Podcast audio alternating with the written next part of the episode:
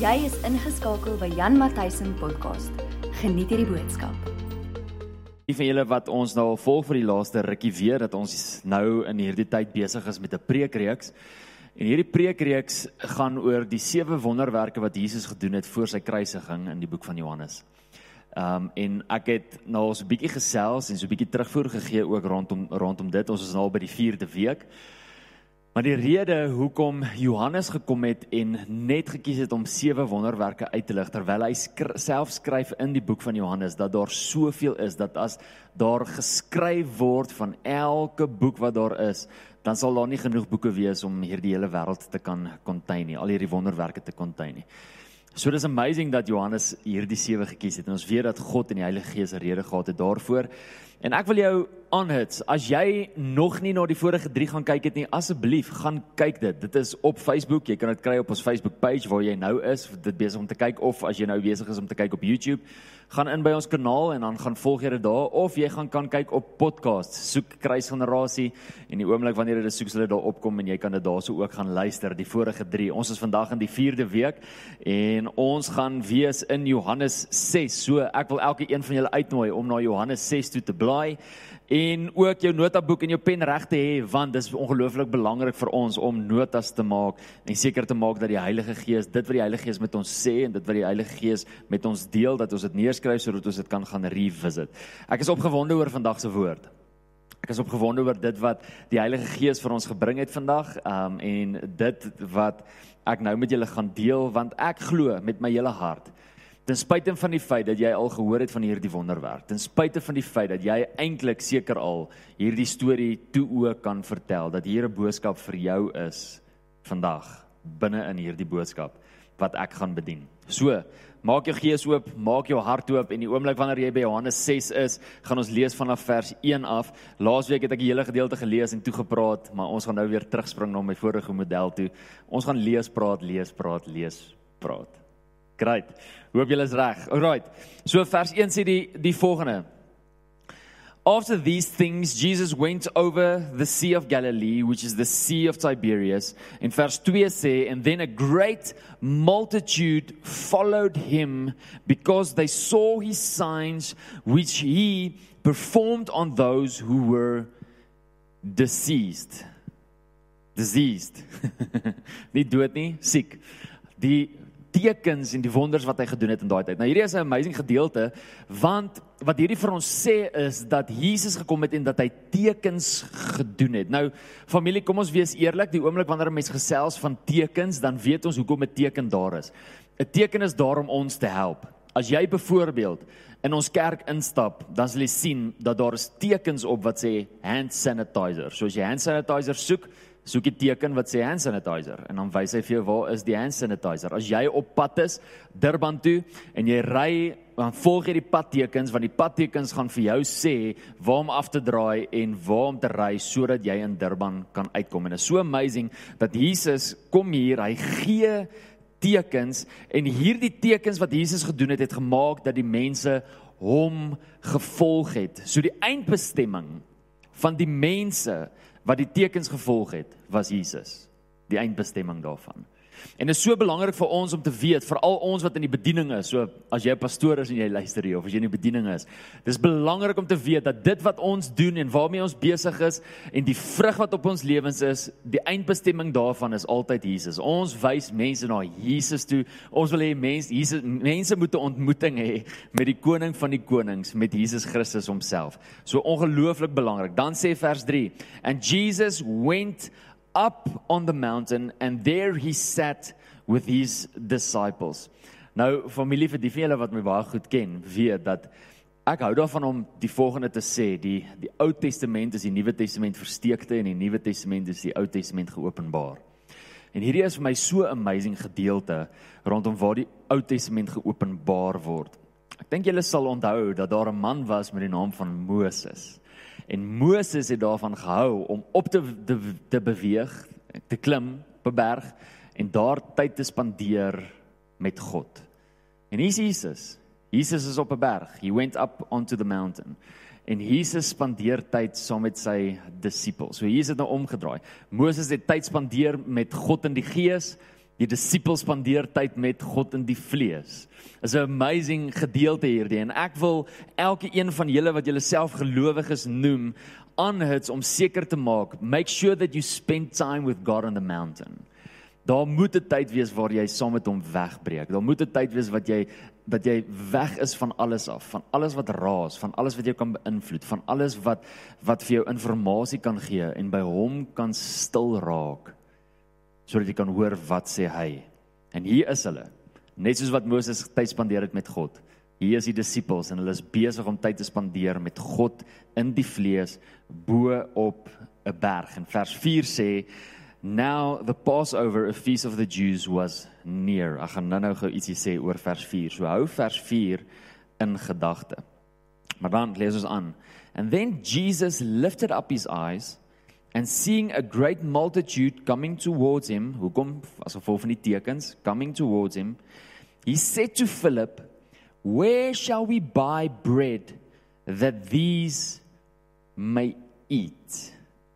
Where shall we buy bread that these may eat? But this he said to test him, for he himself knew what he would do. Philip answered him, 200 denarii worth of bread is not sufficient for them, that every one of them may have a little. En ek vandag vir jou hierso sê familie, Jesus gee om oor jou gedagtegang.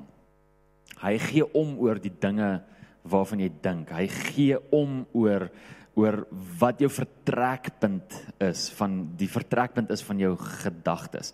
En hierso kom Jesus en hy ons kan letterlik sien dat staan daar in vers 6 dat he said this to test him want hy het al klaar geweet wat hy gaan doen.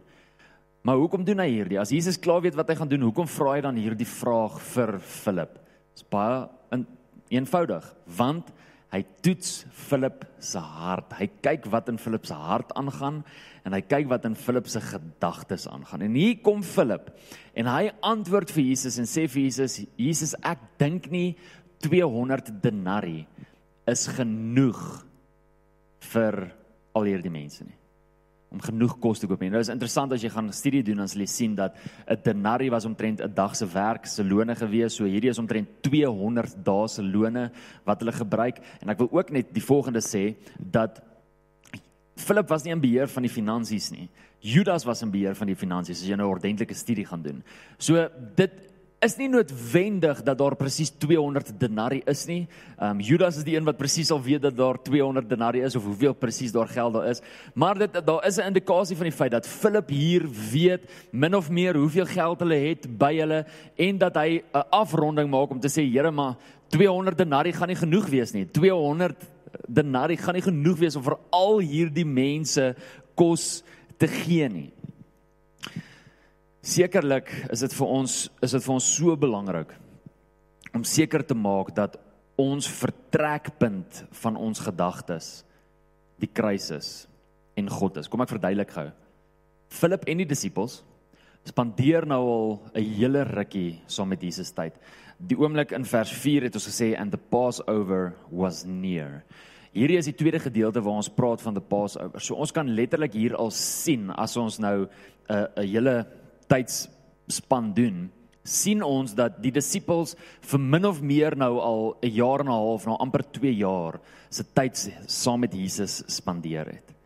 En as jy vir so lank saam met Jesus tyd spandeer en sien wat hy doen en sien wat hy deur jou ook al gedoen het, sekerlik moet jou gedagtes dan nou al verander. Sekerlik moet Philip dan nou al op 'n plek wees waar sy vertrekpunt anders is. Dink terug na die heel eerste boodskap wat ons gebring het van Jesus wat water in wyn verander het. En die oomblik toe hy water in wyn verander het, het hy gesien dat hierdie man, Jesus, God in die vlees, daar's niks onmoontlik vir hom nie. Kyk wat het hy nou net gedoen. En dan het Jesus nog klomp goeters gedoen. En nou is hulle hier op 'n plek. Jesus weet klaar wat hy gaan doen. Dis 'n enige enige onmoontlike situasie is 'n situasie waar daar jy geleentheid gee vir God. En hier is daar 5000 mans sê die woord. So dis meer as net 5000 mense. Maar as gevolg van al hierdie mans, al hierdie mense wat daar is en as gevolg van die feit dat hulle maar net 200 denarii het, sien Jesus, "Oké, great, hier is vir my geleentheid. Hier's vir my 'n geleentheid om iets te kom doen." En hy toets Philip se hart om te kyk. Philip, gaan jy ook hierdie geleentheid raak sien? sien jy hierdie geleentheid as 'n geleentheid om my te vertrou vir die onmoontlike? Of sien jy hierdie as 'n geleentheid om slim te probeer klink of om te sê, Here, dalk moet ons hierdie doen. Dalk moet ons maar met 200 denarii gaan gaan gaan kos koop. Of dalk sien hy dadelik die lek raak. sien familie partykeer is ons so op 'n plek waar ons die tekortkominge raak sien in plaas van om die geleentheid raak te sien. Want kom ons wees eerlik, baie keer in ons lewens het ons te doen met dinge en plekke in ons lewens waar mens net duidelik kan sien dat ja, ek het die Here hier nodig of ek gaan hierdie maand kort skiet. Ek gaan nie hierdie maand genoeg geld hê om brandstof in te gooi nie. Ek gaan nie hierdie maand genoeg geld hê om om al my lone te betaal nie. Ek gaan nie hierdie maand genoeg geld hê om my werkers te betaal nie. En die oomblik wanneer ons hierdie sien, hierdie hierdie geleentheid sien, 'n situasie sien, is dit dan vir jou 'n geleentheid Of is hierdie omstandighede vir jou so groot dat jy 'n ander plan te pro probeer maak? Dit is 'n vertrekpunt van ons gedagtegang. En dit is wat Jesus hierso probeer leer vir sy disippels en vir Filip. En dan sien ons in vers 8 is een van die ander disippels gryp amper amper amper asof hy hierdie geleentheid snap. Hoor wat staan in vers 8. And one of his disciples Andrew, Simon Peter's brother, said to him, "There is a lad here who has five barley loaves and two small fish, but what are they among so many? Met ander woorde, tussen al daai mense kry hulle iemand wat kos het. En Andrew dink by homself, okay, hier is kos dalk kan hierdie een wat water in wyn verander het, dalk kan hy iets doen met hierdie kos. Maar steeds bring hy hierdie kos, ten spyte van die feit dat hy dink dit is dalk 'n geleentheid en God kan iets hiermee doen, bring hy hierdie kos maar nog steeds met 'n mindset van, "Jesus, dis dalk te min." dis dis dalk nie genoeg nie, maar dalk kan hy iets doen. En hier's Andrew, hy bring hier vyf brode en hy bring hier twee visse en hy sê vir Jesus, hierso is hierdie hierdie seentjie, hy het hierdie goedjies, maar ek dink nie dit is nog ek dink nie dit is genoeg nie. Obviously is dit nie genoeg nie. Jy sien waarmee Andrew hierso ook worstel is die volgende. Dit is nie net die 5000 mense wat moet kos kry nie. Hulle moet ook kos kry. Hulle moet ook iets eet.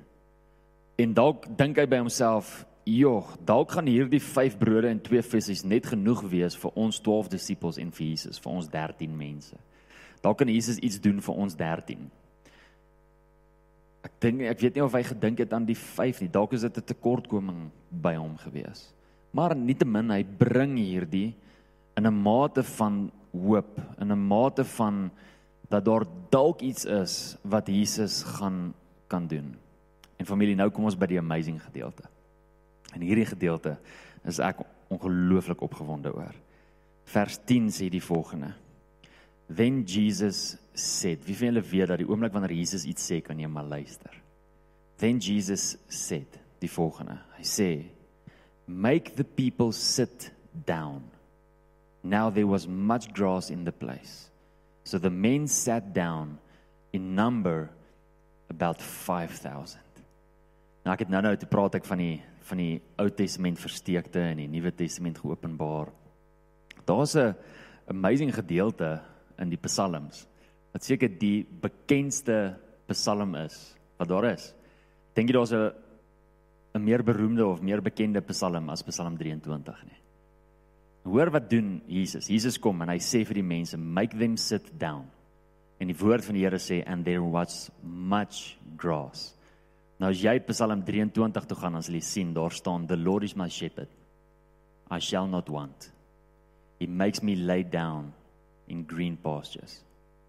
Met ander woorde, ons sien hier 'n letterlike manifestasie van Psalm 23. Hoor wat staan daar in in Johannes 10 vers 11. In Johannes 10 vers 11 staan daar I am the good shepherd. Wie praat hier? Jesus praat hier. I am the good shepherd. So hier is hierdie shepherd, ons herder, waarvan Psalm 23 sê, "The Lord is my shepherd. He's Jesus, the good shepherd. al hierdie mense wat skape is, al hierdie mense kom na die shepherd toe. En wat maak die shepherd? Hy doen presies wat Psalm 23 sê, he makes me lie down in green pastures. Hoor wat sê die woord van die Here het, die woord van die Here sê, Jesus, the good shepherd, sê vir sy disippels, make them sit down. Hoekom is dit belangrik vir hulle om te sit? Want God gaan nou aan hulle behoeftes voorsien en hulle kan letterlik niks doen aan daai voorsiening nie behalwe vir die feit dat hulle by hom is nie. OK? Hoor gou hier. Al hierdie mense is daar vir hom. Die tekens het hulle gelei na hom toe. En die oomblik toe hulle daar aankom, toe sien Jesus hulle is honger.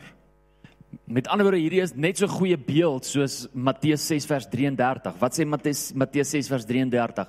Soek eers die koninkryk van God en sy geregtigheid en al hierdie dinge sal by jou bygevoeg word. Wat is die al hierdie dinge waarvan die woord daar praat? Vers 25 sê: Moenie jou bekommer oor wat jy sal eet of oor wat jy sal drink nie. En as jy verder gaan, moet jy nie bekommer oor wat se klere jy gaan aan hê nie. Jesus sê daar binne in Matteus 6, sê hy, moenie bekommerd wees oor die voorsiening van jou alledaagse nood nie. En hier's hierdie mense, 5000 mans van hulle. Hulle is by die goeie herder en die oomblik toe hulle by die goeie herder is, het hulle 'n need, hulle het 'n want. The the Psalm 23 sê the Lord is my shepherd, I shall not want, maar hulle het 'n want. Maar die oomblik toe hulle 'n want het, is hulle op die regte plek. Die oomblik toe hulle 'n lek het, is hulle op die regte plek. Waar is hulle? Hulle is by die herder. En die oomblik toe hulle by die herder is en hy sien dat hulle 'n lek het en 'n need het, wat doen hy? Hy maak dat hulle sit. Hoekom sit hulle? Hulle sit want hy staan dis so belangrik dat jy hierdie hoor. Jesus staan. Hoekom staan Jesus? Want Jesus is die een wat hierdie wonderwerk gaan laat gebeur. Die ander mense sit want ons letterlik niks wat hulle meer hier kan doen nie. Familie, partykeer is ons op 'n plek waar ons so hard probeer stoei vir ons omstandighede en alles in ons lewens om te begin verander en ek wil vandag vir jou sê daar's 'n tyd in jou lewe wat jy moet ophou stoei en letterlik gaan sit op die gras by die goeie herder sodat hy vir jou kan voorsien. Want hy is die een wat deurbraak bring. As daai mense gestaan het, dan kon hulle dalk nog iets gedoen het, maar hy laat hulle nie staan nie. Hy laat hulle sit. Hier is die amazing ding. Hulle is Matteus 6:33, soek eers die koninkryk van God en al sy geregtigheid. Hulle is letterlik by die koning van hierdie koninkryk. En al hierdie dinge gaan letterlik nou vir hulle gegee word. Sien julle die manifestasie van dit wat staan in Matteus 6 vers 33 terwyl hulle letterlik by Jesus is. En ek wil vandag vir jou sê, ek weet Matteus 6 vers 33 sê soek eers die koninkryk. Dis onmoontlik vir jou om die koninkryk te mis as jy agter die koning se hart aan is hardloop agter sy hart aan. Agter hardloop agter die koninkryk, die koning aan, want die oomblik wanneer jy agter die koning aan hardloop, gaan jy die koninkryk vind. En dan hoef jy nie op 'n plek te wees waar jy bekommerd gaan wees oor waar jou hulp vandaan gaan kom nie en waar daar vir jou voorsiening gaan wees vir jou alledaagse brood nie. Jesus, die goeie herder, laat die mense sit sodat hy kan doen wat net hy kan doen. Vind jou rus in Jesus Christus. Vind jou rus in die goeie herder wat kyk na jou siel en seker maak dat jy oukei okay is. Vers 11. And Jesus took the loaves, the bread of life. Later in in Johannes 6 sal jy sien dat Jesus sê I am the bread of life. Johannes 6 vers 35 die brood van die lewe vat die brood en breek dit. And when he had given thanks, he distributed them to the disciples, and the disciples to those sitting down, and likewise of the fish, as much as they wanted. Okay, hoor gou hier. Jesus kry dit in sy hande. Hierdie min. Daar's amper 10000 mense. Daar's 5 brode, daar's 2 visse. En daai min vat Jesus in sy hande en wat doen hy? Hy sê dankie. En toe hy dankie gesê het, toe breek hy dit oop en toelaat hulle dit uitdeel sodat dit kan vermeerder. Kan ek vandag vir jou die volgende sê familie en hoor mooi, dis belangrik dat jy hierdie hoor, moenie hierdie mis nie. As jy nie gaan dankbaar wees vir die min wat jy het in jou lewe nie, kan jy nooit verwag dat daai min gaan groei nie en gaan vermeerder nie. Jesus sê eers dankie vir wat hy het. Hy het nie dankie gesê dat dit gaan meer word nie. Hy het ook nie gevra nie. Hy was dankbaar vir wat hy het. Jy moet dankbaar wees vir wat jy het voordat jy kan verwag dat die Here dit letterlik gaan vermeerder in jou hande. Maar hoor hierdie amazing proses. Was hierdie kos eerste in Jesus hande? Nee. Hierdie kos was eers in 'n seentjie se hande. En toe gaan hierdie kos van 'n seentjie se hande af na een van sy disippels se hande toe. En toe van een van sy disippels se hande na Jesus se hande toe en toe van Jesus se hande af na die, sy disippels se hande toe en toe van sy disippels se hande af na die res van die mense wat daar sit en toe het die oorblyfsel teruggekom na die disippels toe wat dit teruggebring het na Jesus toe. Dis 'n amazing kringloop. Dit wys jou net dat as jy Jesus uit daai okasie uithaal, occasion, as jy Jesus uit daai hele ding uithaal, dan sou daar in elk geval nie geleentheid gewees het waar daar oorgebly het of waar daar vermeerder was nie. As daai broodjies na 'n disipel toe gegaan het en daai disipel het dit vir die mense gegee, dan was daar nie geleentheid gewees vir die volgende disipels om dit te gaan opneem en dan het hulle in elk geval niks gehad om op te neem om weer terug te bring na Jesus toe nie. Jesus was deel gewees van daai equation. Jesus was deel gewees van daai som. En dit is so belangrik vir ons as gelowiges om seker te maak dat Jesus deel is van alles wat jy doen. Ons is besig om planne te maak. Is jy nie? Is jy nie besig om planne te beraam nie? Is jy nie besig om te skiem nie? Is jy nie besig om seker te maak dat jy sekere goedjies kan doen en sekere goedjies in plek kan sit en kyk of jy hierso geld kan spaar en kyk of jy hierso kan belê en kyk of jy dalk hierso iets nuuts kan kry nie. Ek hoop met my hele hart dat Jesus deel is van daai planne. Want as Jesus deel is van daai planne, dan kan jy ver, verwag dat daar vermeerdering gaan wees en oorvloed gaan wees. Vers 12. So when they were filled. So when they were filled. Ek wil vandag vir jou sê familie, die oomblik wanneer jy na Jesus toe hardloop, hoef jy nooit weer bekommerd te wees of of jy gaan vol wees nie. As jy by Jesus is, gaan jy vol wees. Geeslik en fisies. Geeslik sal jy vol wees en fisies sal jy ook vol wees. Hoekom? Want jy is by die goeie herder wat seker gaan maak dat jy niks lek nie. Sal altyd hê. Okay? And when they were filled, he said to his disciples, "Gather up the fragments that remain." So that nothing is lost. And therefore they gathered them up and filled 12 baskets with the fragments of the five barley loaves which were left over by those who had eaten. Vyf broodjies maak dat daar 12 mandjies vol oorbly. Dis die Jesus wat ek ken. Die Jesus wat ek ken, maak seker dat daar oorvloed is. Daar nie net net genoeg is nie. Daar was nie net net genoeg vir al 10000 mense nie. Nee. Daar was oorvloed. Dit is die Jesus wat ek wat ek ken. In vers 4 het ek nou nou gesê, ek het gesê hou vers 4 in jou agterkop. In vers 4 het ek gesê dit was amper Paasfees. Familie, waaroor gaan Paasfees? Paasfees gaan oor die lam wie se liggaam gebreek was. Dit is waar Paasfees gaan. En hier kom die lam wat die brood van die lewe is en hy breek die brood wat simbolies gaan wees van sy liggaam wat gebreek gaan gebreke gaan wees as jy gaan aanlees in Johannes 6 sal jy dit sien. En hy deel sy liggaam, hy deel sy brood uit sodat die mense dit kan eet en die oomblik toe almal geëet het neem hulle nog steeds 12 mandjies op. Kan ek vandag vir jou sê wat is die simboliek rondom dit en Paasfees? Jesus se kruis en sy liggaam wat gebreek was op daardie kruis was genoeg gewees in oorvloed vir die hele wêreld. Daar is niemand in hierdie hele wêreld wat al geleef het, wat nou leef of wat nog gaan leef vir wie Jesus se liggaam nie genoeg was nie. Jesus se liggaam was genoeg vir hulle almal. Jesus se liggaam was so genoeg dat daar nog sou oorbly. Daar was 12 mandjies te veel.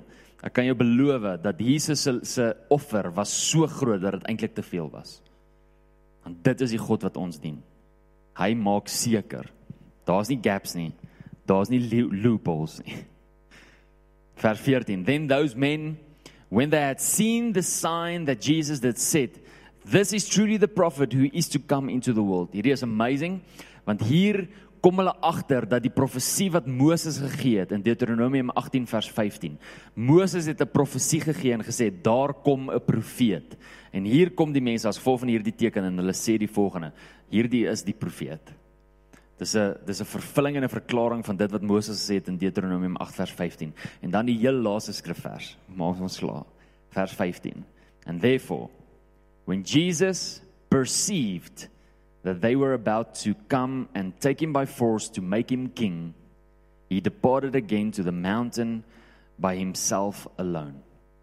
Nou familie, daar's soveel wat ek kan sê oor hierdie want hierdie is 'n ongelooflike teologiese oomblik ook. Maar behalwe vir die teologie rondom dit, wil ek die volgende sê en ek wil eintlik praat met almal wat in die bediening is. En hierdie is wat ek wil sê.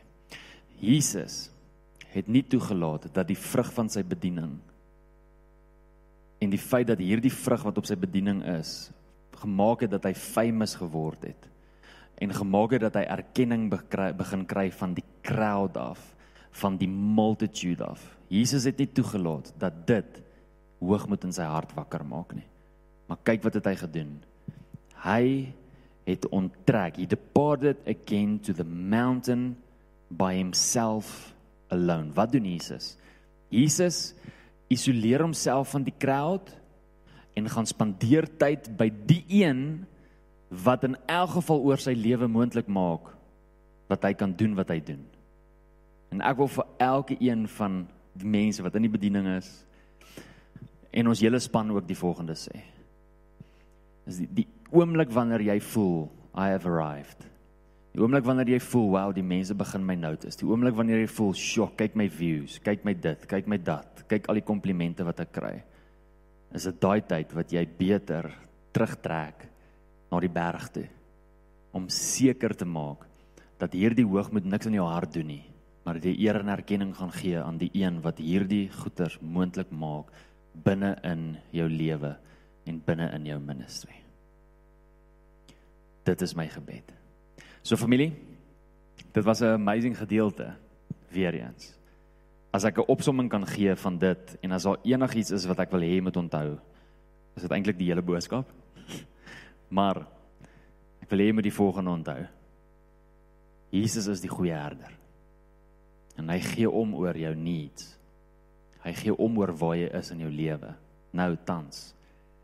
En ek het dit laasweek ook gesê, maar ek wil dit weer sê. Almal van ons wat hierna kyk, het ander probleme en ander uitdagings. Die kans is baie goed dat elke een van ons 'n uitdaging het. Dat elke een van ons iets het wat ons face. Elke een van ons vashou aan 'n belofte, vashou aan 'n woord wat nog nie in vervulling gekom het nie. En ek wil vandag jou herinner aan die volgende. Jesus Christus is jou herder en hy's my herder. En hy is die een wat seker maak dat elke need in my lewe ongemoed sal word. It will be met deur hom. Skep moed daarin en weet dat jy nie alleen is in hierdie tyd nie. Vader, ons is so dankbaar dat U die herder is. Ons is so dankbaar vir hierdie gedeelte, hierdie skrifgedeelte wat gekom het en ons net gewys het van u amazing hart en hoe u hart daar is om ons te help en hoe u hart daar is om ons om to meet our every need. Here, die oomblik wanneer ons by U is. Mag ons op 'n plek wees waar die tekens en dit wat die Heilige Gees in ons lewens doen en waar die Heilige Gees kom en ons oortuig dat daai goed ons lei na ons goeie herder toe. En die oomblik wanneer ons by ons goeie herder is, dat ons weet ons hoef nooit weer te bekommerd oor wat ons gaan eet nie. Ons hoef nooit weer te bekommerd oor wat ons gaan drink nie. Ons hoef nooit weer te bekommer oor wat ek gaan aantrek nie. Want hoekom nie? Want ek spandeer my tyd by die goeie herder en hy is die een wat in beheer is van my lewe en hy is die een wat na my sorg en hy is die een wat sal seker maak dat ek nie ten gronde gaan nie.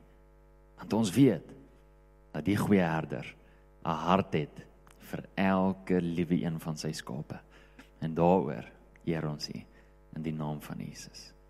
Amen. Amen. Dankie dat jy saam met ons geluister het. Onthou om te subscribe op hierdie podcast. Volg ook vir Jan op Facebook en YouTube. Tot 'n volgende keer. Die Here seën jou.